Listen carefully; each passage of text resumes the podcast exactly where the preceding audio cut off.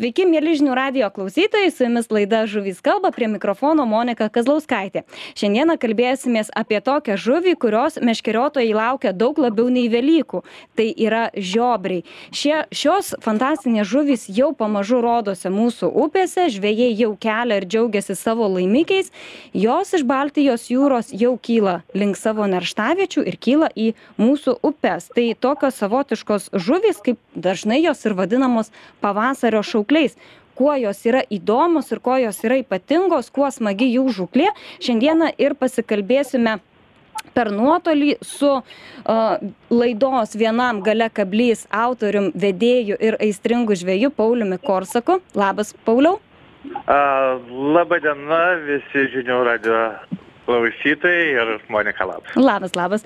Ir taip pat su mumis yra ir Lietuvos jūrų muziejaus biologas, taip pat žvėjas Remigijus Dailydė. Sveiki, Remigijau.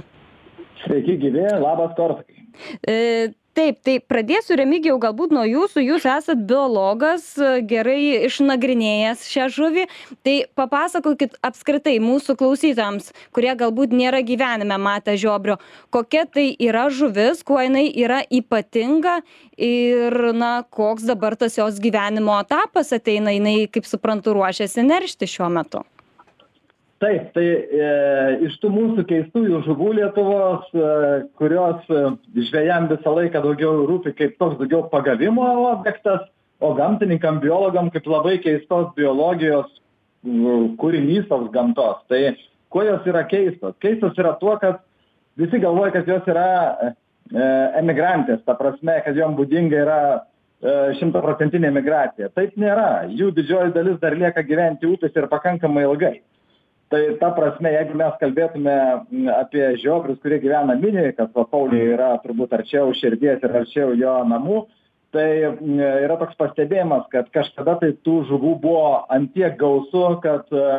minijoje jų būdavo kaip čia sakyt tokie šokiai matomi kada ties gargždų užtvanka jos šokinėdavo į viršų per užtvanką ir mes matydavom tokius paskraidymus. O iš tikro tai šita žuvis dar pasižymi tuo kad jinai turi dvi migracijas. Jinai turi rudeninę migraciją žiobrių ir turi labai ryškią migraciją pavasarinę. Ir kaip nebūtų keista didieji žiobriai tie nu jau kalbėkim apie didesnius negu pusė kilogramo tai pradėkim gal nuo kokių septynių šimtų gramų tai šitie ateina vėliausiai ateina pavasarį Mhm. O va ta tokia keista migracija rudeninė ir pavasarinė ankstyvoji, oi kaip jinai ankstyviai prasideda. Mano gyvenimo etapuose, kada aš tą žuvį labai intensyviai gaudžiau, ją tyrinėjau, ją domėjausi, tai pirmųjų žiobrių pamatydavau pačioj kovo pradžioj dar kai būdavo marės sušalusios. Mhm. Ta prasme, mes jau juos matydavome Minijos upėje, kur būdavo, e, visi galvodom, kad jie, ta prasme, likę iš rudens yra bet e, pavasarinių žiobrių požymiai būdavo šiek tiek kitokie negu rudeninių. Ta prasme pavasarį jie biškį yra kitokios spalvos. Jie jau būna įgavę savo tokią vestuvinį apdarą. Tai va tai tų jau vestuvinių apdarų mes matydavom kovo mėnesį matydavom balandžio pradžioj. Ta prasme pilvelis toks pageltęs toks biškį į gintarą panašus. Mhm. o e, kas lieka upėse, tai lieka dažniausiai patinėliai. Ir mes jų labai intensyviai galim pagauti tiek rudenį, tiek vasarą, tiek, tiek pavasarį. Beje, jie labai yra panašus į skersnukius. taip daug kas painioja Taip, labai ta kompanija tokia panaši. Iš tikrųjų, žvėjas atskiria, bet jau žinot, aš jums pasakysiu, jeigu jauną pagauni, tai reikia pažiūrėti akim labai įdėmiai. Ar Na, tai tikrai galbūt tas nukutis skersas, ar ne? Jūs minėjot apie e, rudeninę migraciją, tai kur migruoja jie rudenį, ką jie veikia, kur, kur jie ruošiasi?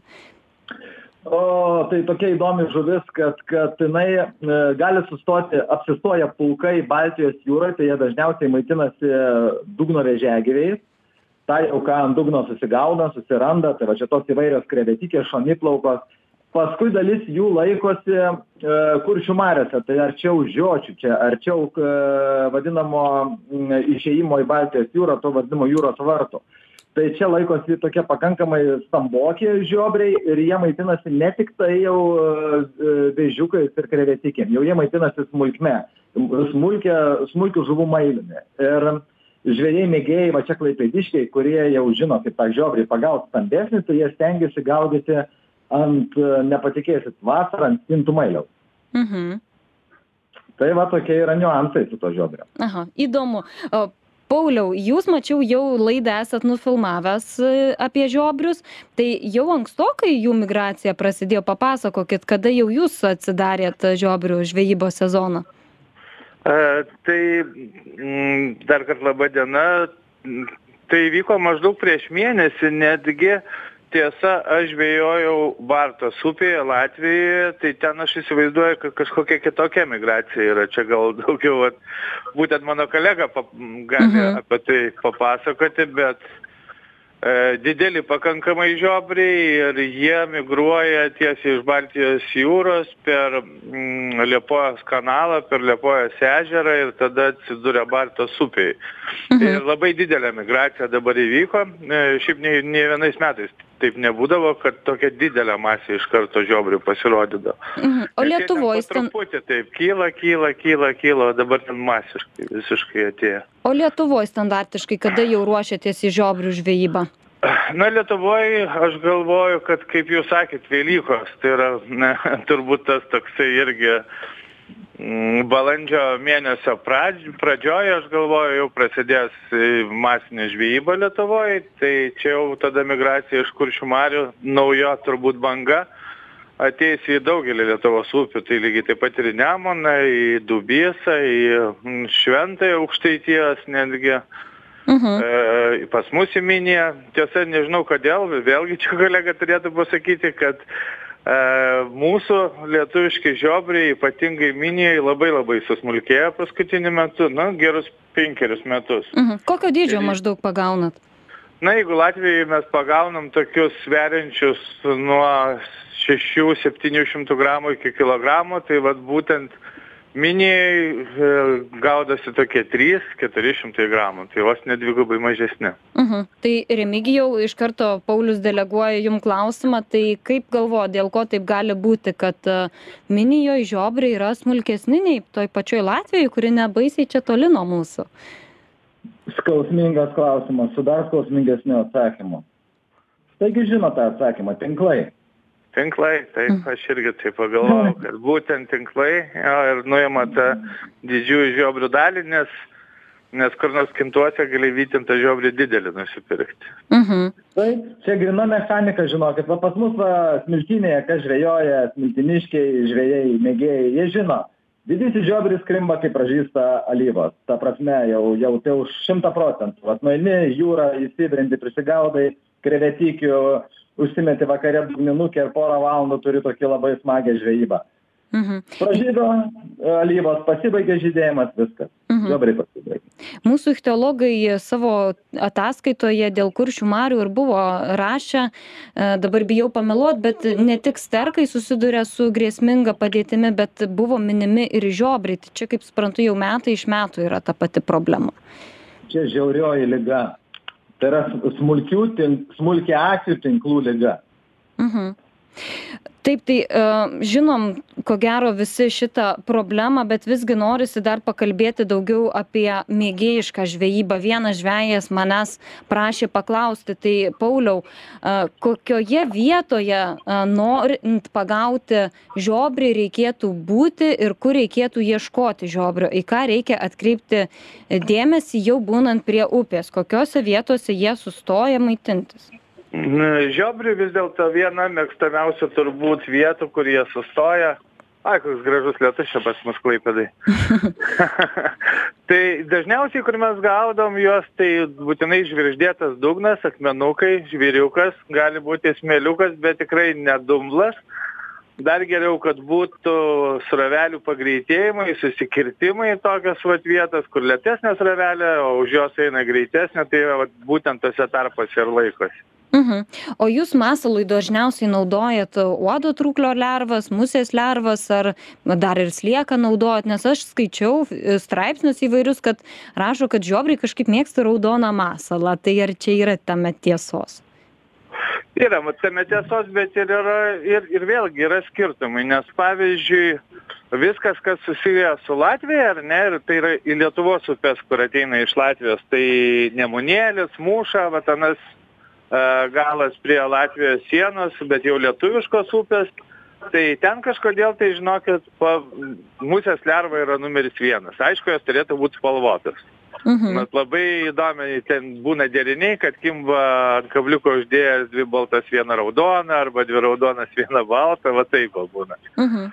Ir... O jau, pavyzdžiui, jo, o jau mūsų pusėje, pavyzdžiui, mūsų migracijos pusėje, per kuršių marės, kur migruoja, tai vienareikšmiškai uodo trūklio lervos. Nežinau kodėl, aš irgi vat, norėčiau kolegos paklausti, bet iš tikrųjų taip yra ir tu mes ten tą musės lervą gargžduosi kiek nori, tai ten, nu, gali užkipti ten per prievartą, nu, bet jeigu tu gaudysi su uodo trūklio lervą, tai ta raudona mažytė krimelytė, tai iš tikrųjų tu turėsi 20 kartų daugiau kibimo. Vat, Mhm. Irgi vat įdomu, kodėl lygiai taip pat esu gaudęs ir e, aukštaitijos šventojoje, tai ten lygiai taip pat irgi uodo truklio lerva, pundelės ten septynios, net dešimt, toks didelis, aišku, kad ant raudono kablio būtų. Mhm. Labai gerai reaguoja. Tai remigijau, papildykit, galbūt jūs žinot, kuo tie mūsų žiobrai tokie įnoringi ir kuo jie skiriasi, būtent kodėl jiem vat, kitoks meniu reikalingas nei latviškiams. E, čia viskas slypi pačioje e, žiobrio biologijoje. Kai kurios žuvis, kurios plaukia į nerštą, nesimaitina, bet žiobris, žinokit, jis labai intensyviai maitinasi ir net neršto metu mėgsta pasimaitinti. Tai va čia didžioji problema tame ir slypi, kad nuplaukti į Miniją, nuplaukti į Nemoną, nuplaukti iš Nemono į Intakus, e, jam reikia praplaukti kuršių marės, atstumas ilgas ir jisai pradeda maitintis tą, ką ten randa o jų kuršių mariose labai daug yra deja uodo trūkio lervų. Jau čia ko ko bet žinokit yra didžiausi klodai. Tai vat jisai kai pradeda čia įplaukęs maitintis tai jam va ta tokia ir išlieka ta raudonoji dėmelė ant akių kuri labai skatina. Kaip man teisingai Paulius ir sako, kad neįtikėtina, bet sako, Marijos yra e, Minijos upėje, tai ant to trūklio lervų kimba. Nu, nemėginot dar pagaudyti galbūt ant krevetikių Baltijos. Aš tai pakankamai sėkmingai savo laiku gaudžiau Minį ir ant Baltijos krevetikių. Žinoma, yra dar viena maža paslaptis.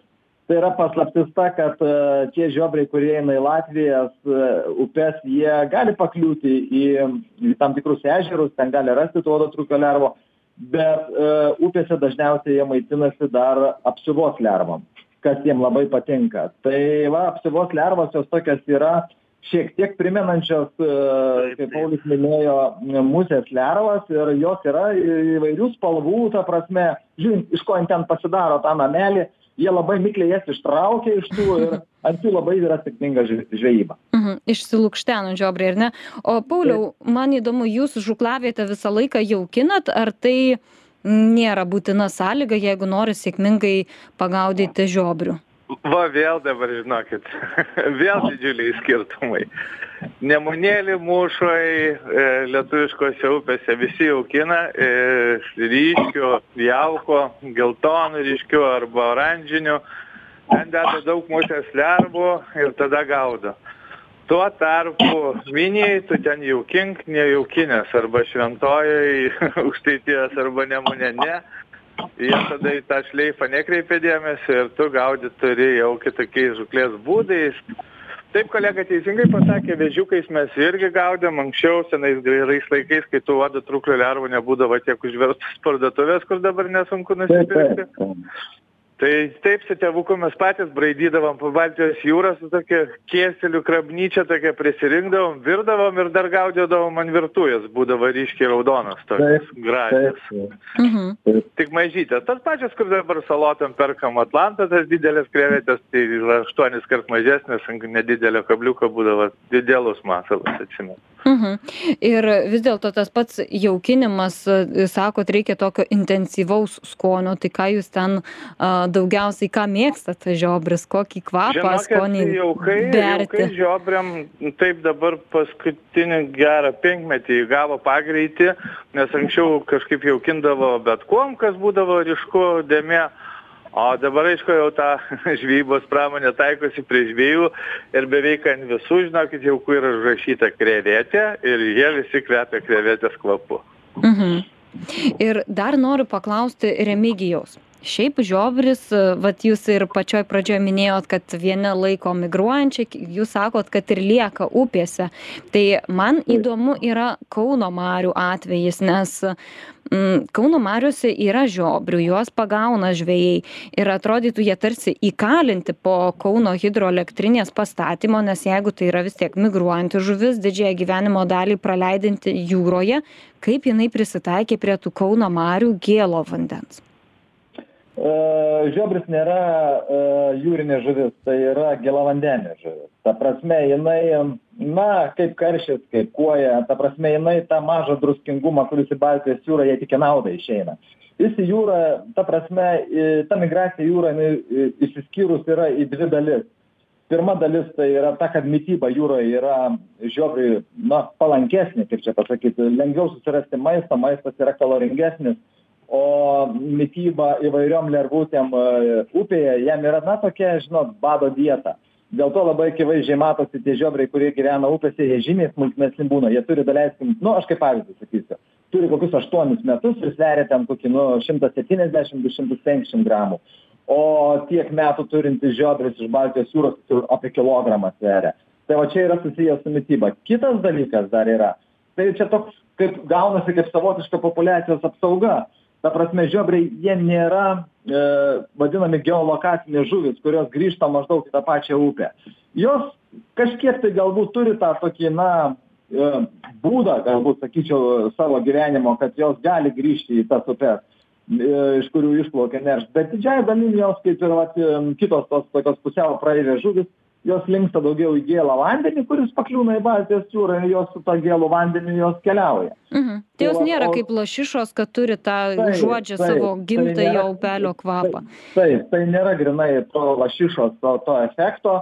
Žinoma, galbūt mokslininkai galėtų kokius bandymus padaryti, bet ant žiobrio pakankamai sudėtinga tos lokacinius mechanizmus užkrauti. Ta prasme, žuvis jos nelabai mėgsta, jos nusipurto jos. Bet dabar su Kauno Mariam, žinokit, yra ten kitas atvejis aš nežinau kaip tas žuvitakis kauno marių veikia. E, ten vis karts nuo karto tie žuvitakiai būdavo kaune nėra ant e, kauno hidroelektrinės e, žuvitakio tokio kaip ir seniau senais laikais ta prasme prieš dvidešim trisdešim metų ten toks įrenginys buvo žuvitakis padarytas gal kažkas ir yra. Dabar yra aršios diskusijos tiksliau buvo a ir buvo dideli pažadai iš kauno miesto savivaldybės kad tas žuvitakis bus naujas didelis statomas bet kažkaip nutilo rinkimai pasibaigė tai- pažadai pasimiršo matyt. Galbūt yra kitos specifinės savybės žiobrio kurios atleidžia jam išgyventi tai ta prasme jisai žuvitakis labai neblogai beeina nes jisai labai mikli žuvis yra stipri ta prasme įsimitęs eina į kaip ir daugelis į nerštą einančių žuvų. Bet jis peršoka jis peršoka aukštas elektrines jis peršoka na pavyzdys tai galbūt ta būtų gargždų buvusi ta užtvanka tai ten būdavo jos aukštis virš vandens gal koks pusmetris o kritimas būdavo gal koks pusantro metro. Tai tą pusantro metro žiobriai labai nesudėtingai įveikdavo.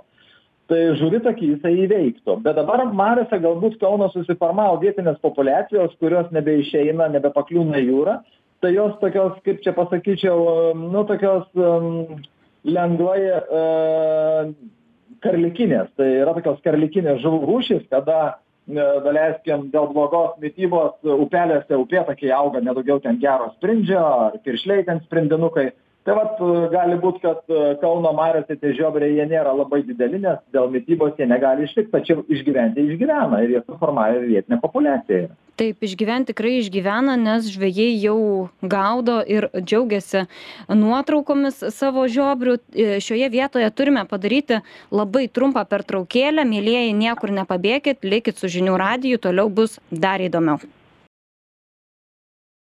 Sveiki sugrįžę, su jumis laida Žuvys kalba, prie mikrofono Monika Kazlauskaitė. Toliau kalbamės apie žiobrius su šių žuvų mylėtojais, meškeriotojais. Tai yra laidos viename gale kablys autorius ir vedėjas Paulius Korsakas su mumis ir taip pat Lietuvos jūrų muziejaus biologas ir žvejas Remigijus Dailidė. Sveiki dar kartelį ir toliau noriu dar pasiklausti apie pačią žiobrių žvejybą Pauliaus. Pauliau, kaip dažniausiai dažniausiai jūs gaudote juos. Tai vis tik dugninė jūsų yra favoritas plūdinė o gal ir spiningu jūs mokat pagaut žiobrius žinokit visais būdais kaip jūs sakot. Ir muselinę mačiau kažkas bando jau gaudyt visais būdais. Na tarkim kol didelis srautas ir va tas pats pirmasis pava pa pirmosios pavasarinės žūklės tai aišku dugninė meškerė e, bet man be galo patinka žvejoti ir plūdinę meškerę tai vėlgi yra keletas netgi specifinių žūklės būdų ta plūdinė meškerė jeigu mes gaudom tose upėse kur aš jau na kalbėjau šiaurės lietuvoj tai muša nemunėlis pagrindinės dvi lietuvių mėgstamos upės. Žiobrių žvejyboj tai ten visai neblogai gaudosi baloninė meškerė jaukinant va ką mes kalbėjom kaip ir dugninę meškerę jaukinam taip ir čia jaukinam lygiai taip pat padarom tą debesų stulpą ir kaip va kolega sakė greičiausiai žinodami apie tai žiobriai kad čia kažkas panašaus į apsiavas e, susirinko toj vietoj ir gaudome E, gaudami, nu, ta prasme, jaukindami ir paprastą plūdinę meškerę, leisdami pasroviui su prilaikymu. Mhm. O vat e, mūsų upėse, kitose upėse netgi yra specifiniai žuklės būdai ir daromos specifinės netgi plūdės, tai yra burbuliukai tokie vadinami. Iš patoplasto visiškai apvalus, toksai kaip slyva plūdelė daroma, tada apačioj koncentruojamas švinas ir virš jo rišamas ilgas pavadėlis. Tada dažniausiai dar būna kabliukas panašus į stintinį tiktai mažesnis variantas šviečiantis kabliukas jisai turi ten fosforiukus viską ir tada ant jo jau dedam uodo trūklio lervas ir tokią palaidinę gaudom. Kai plūdė pirma bėga svarelis daužosi dugną ir tada žiobris tą ilgą pavadėlį tempia. Nu ten išvis egzotinė žūklė. Ir dažniausiai jinai tokia naudojama vat būtent čia žemaitijoj minijos upėj nors tiesą pasakius teko matyti šiaulių meškeriotojai ir mūšos upėj puikiai gaudo taip pat. Mhm. nejaukindami. o šiaip žiobris yra kovinga žuvis yra su kuo susikalt nors tai nėra stambi žuvis ne lašiša metro ilgio tai yra smulkesnė žuvis bet vis dėlto daug kas akcentuoja tą jų kovingumą. Tai ar iš tiesų jie tokie geri varžovai žvejui taip iš tikrųjų viena stipresnių žuvų gaudant srovėj gali prilygti aš manau šapalo stiprumui. Karšis kuoja net šalia nestovi. Ne toj lygoj. Jo ne toj lygoj. E, nes tas kūnas jos toksai ilgas tamantrus toksai vis viena kažkiek jūroj prabuvus žuvis turi tą tokią jūri jūrinę energiją ir va kai gaudai labai plonais pavadėliais ten nulis dvylika kartais net nulis vienas reikia kad jie kibtų su tom plūdelėm aišku. Tai labai įdomus traukimas būna ilga kova tokia palieka nu puikius įspūdžius ir emocijas. Mhm. O oro sąlygos, Pauliau, ar kažkokios įtakos turi žiobrių žvejybai? Ar geriau laukti, kada bus debesuota, galbūt taip darganota, ar vis tik ir geras oras, kai saulė pliskina, irgi tinkamas žiobrių žvejybai? Na jisai toksai pastovumo mėgėjas kad keletą dienų būtų pastovus oras ar toks ar toks bet saulytės jis nesibaido mum meškeriotojam patiem reikia pavasarį kuo daugiau saulės taip kad mhm. saulėtą dieną visai viskas būna labai smagu. taip vitamino d mūsų tautai apskritai trūksta tai žvejai turbūt irgi pasimaudo saulės spinduliuose. Tai e, remigijau dar noriu kad jūs šiek tiek papasakotumėt apie žiobrių nerštą labai svarbi pareiga. Tai jie dabar dabar jau pradeda ruoštis ar ne formuoja ikrelius patelės tai kur jie ieško tų nerštaviečių kur jie atmigruoja iš tos jūros ir nustoja jau pasiruošti tai savo uh, svarbiai pareigai Tai va čia ir įdomumas tarsi ir yra, kad visą laiką gamtoje yra labai tamprus ryšys tarp atskirų žuvų rušių. Ir nepatikėsit, kad šitas ryšys tarp žiobrio, tarp lašišos ir tarp šlakio yra labai labai labai glaudus rudenį kada šlakiai ruošiasi su lašišom neršti jie išsivalo tam tikrus upės ruožus. Tai yra akmenukus apverčia kad jie nebūtų apaugę tokiais mirusiais rudais dumbliais. Tai yra kad būtų švarūs akmenukai. Tai tie akmenukai žinokit išlieka švarūs iki pakankamai vėlyvo pavasario kol jau saulė nepateka ir nepradeda blizgint ten į tą vandenį. Ir labai patinka tos vietos apvalytos žiobriam Tai labai, jeigu žinote, kurioje vietoje neršia lašišas, jūs galite taip atsargiai nuo kalniuko pasiemę žiūrovus, pa- žiūronus pasižiūrėti, kaip jie labai gražiai neršia. Žinoma, jau biški šiltesniam vandenį neršia, čia vėlyvą pavasarį. Bet, bet įspūdingas vaizdas, kai paskui vieną patelę, ten kokie šeši, aštuoni patinėliai, jie ten ir pašoka, ir, ir, ir, ir, ir, ir na, vandenį giliai ten pa... Nu, ta, tos vietos nėra gilios, paprastai rėvose, kur yra šiandien rėvos, kur tas va, toks žvėrelis yra. Nu, sakau, labai labai sutampa vietos jų su, su lašišinių žuvų vietomis. Mhm. Tai ten labai galima gražiai matyti, žinoma, jeigu vanduo būna ne, ne drumstas, žinoma, jau nuskaidrėjęs. Tai aš esu nekartą stebėjęs ir kiekiai tokie dideli, kad kartais pagalvoju, Jėzus Samarija, nu kiek dar mes daug to žuvies turim. Mhm. Bet paskutinį kartą mačiau žiobrių nerštą gal prieš kokius 17 metų. Mhm. Taip, kad jau matys jų yra stipriai mažiau aha. negu, negu.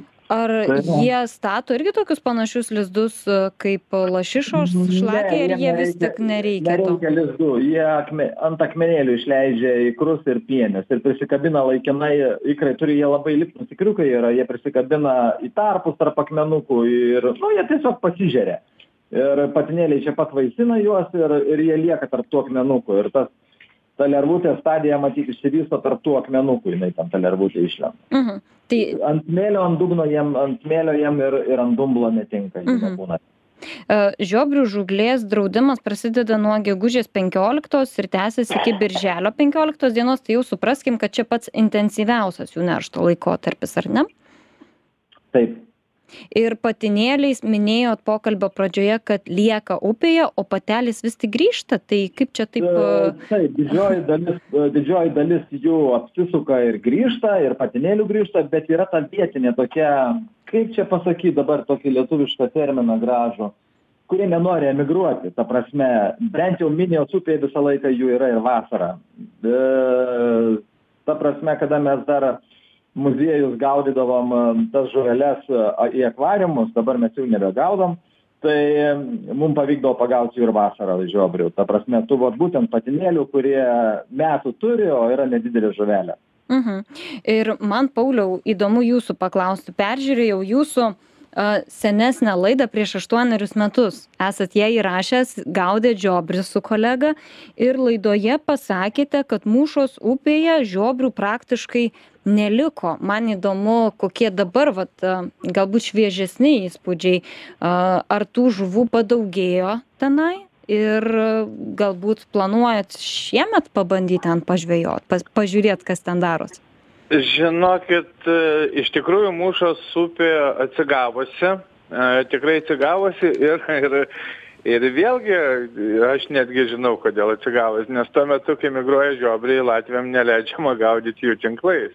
Mhm. Tai kadangi mūšos upė papuola e, papu, ir netaip senai beje uždrausta, papuola pakankamai didelio populiacija žiobrių iš Baltijos jūros per Latvijos upės, tai dėl to ten reikalai iš tikrųjų labai gerai pasitaisė paskutinius netgi va tos penkis, šešis metus. Mhm.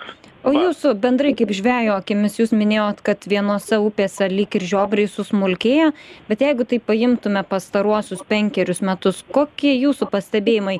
Ar bendrai jau čia tokia tendencija, kad žiobrių smulkėja ir mažėja, ar vis tik ta populiacija laikosi stabiliai? Žvėjais vis tiek daugiausiai žino, jūs daugiausiai laiko prie upės praleidžia. Mm, Kiekis, kiekis žiobrių, aš manau, e, nedi, nemažėja. Iš principo jų kiekis pakankamai neblogas. E, Vėlgi grįžtam į, apie kalbą, kur mes gaudom ir kodėl mes gaudom, kodėl mes gaudom iš Latvijos ateinančių žiobrius, nes tai įdomiau. Tai yra mūša nemunėlis e, vartuva. E, todėl, kad žuvis iš ten atplaukia didesnės ir pagauti kilograminę žuvį nėra didelių problemų. Pagauti 7, 8, 900 gramų, tuo tarpu mūsų upėse dėl tinklų kuršių mariuose, užtveriamo jom kelio, mūsų žiobriai e, sveria 4, 5, 300 gramų. Tai, Mhm. tai toks skirtumas, tai kur rinksi žvėjai žvėjoti. Ten, Taip. kur didesnė žuvis ir kur efektas didesnis jį pagauti. Mhm. Remigijau, kokie būtų jūsų pastebėjimai ir išvalgos, kaip galvojat, kokia padėtis yra su mūsų žiobriais? aš pilnai paulių palaikau ir ir galbūt šita žuvis neišgyvena tokią didelę tragediją populiacija kaip išgyvena sterkai arba kaip išgyvena daleiskim unguriai ta prasme tai tai šita vieta jinai yra jautri. Ir tas jautrumas yra tas kad aš jau ne kartą esu minėjęs visos pagrindinės migracijos vyksta baltijos jūros priekrantėje iki dvidešim penkių metrų. Ir ten dabar stovi visi tinklai ir stovi kuršių mariose tinklai ir mes jas atrenkam tas žuvis atrenkam padarom tokią nemalonią selekciją kad gali praeiti tik mažesnės žuvys. Mes suformuojam blogą genetinę bandą mes formuojam blogą genetinę populiaciją. Visa laimė kad latviai jie pakankamai protingi žmonės jie susitvarkė su tais reikalais. Susitvarkė lenkai.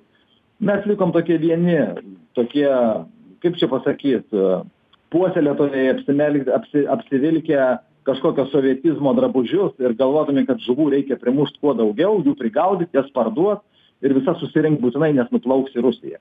Tai va čia yra ta mūsų toks šablonas. Ir mes to šablono kol neatsisakysim tol mes tų žuvų ir neturėsim. Reikia išlipt iš tų bėdų.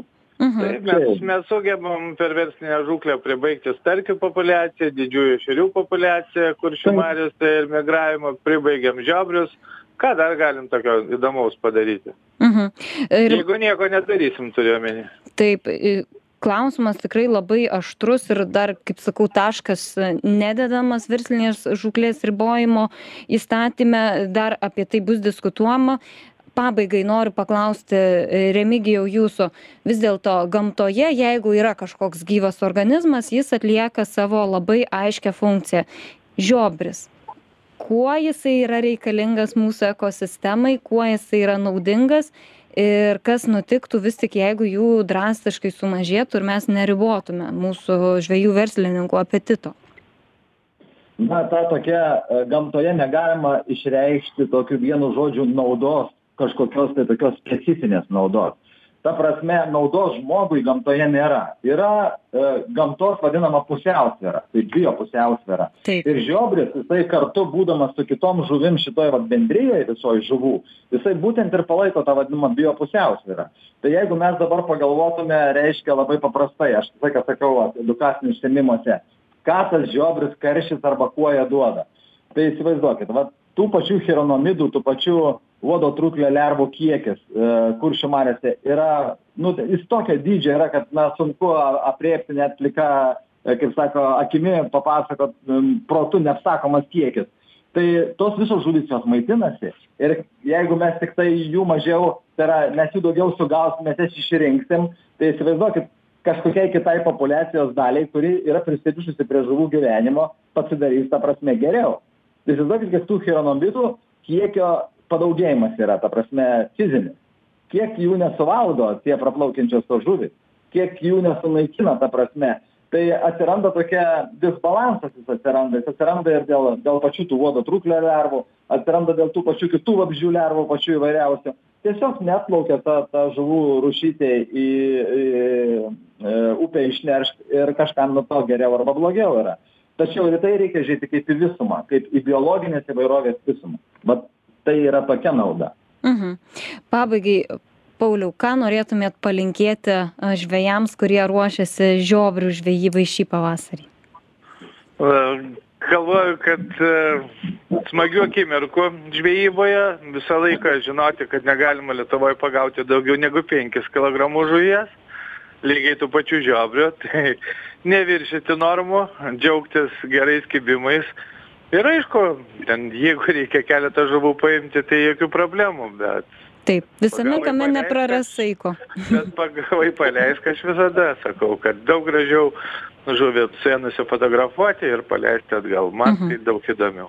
Taip, tai šitą smagi nata noriu ir pabaigti mūsų laidą. Noriu padėkoti Jums, brangus klausytojai, kad buvot kartu su mumis. Ir žinoma, savo laidos pašnekovams nuotolinis ačiū, kad papasakojot apie tikrai labai įdomią žuvį žiobrį. Noriu priminti, kad kalbėjausi su laidos vienam gale kablys autorium ir vedėju Pauliumi Korsaku, taip pat Lietuvos jūrų muziejaus e, biologu ir žvėju Remigijumi Dailidė. Prie mikrofono buvau aš, Monika Kazlauskaitė, o laida Žuvys kalba sugrįž pas Jūs jau kitą trečiadienį tuo pačiu laiku. Dėkui, kad buvot kartu su mumis ir iki kitų mūsų susitikimų. Iki malonaus.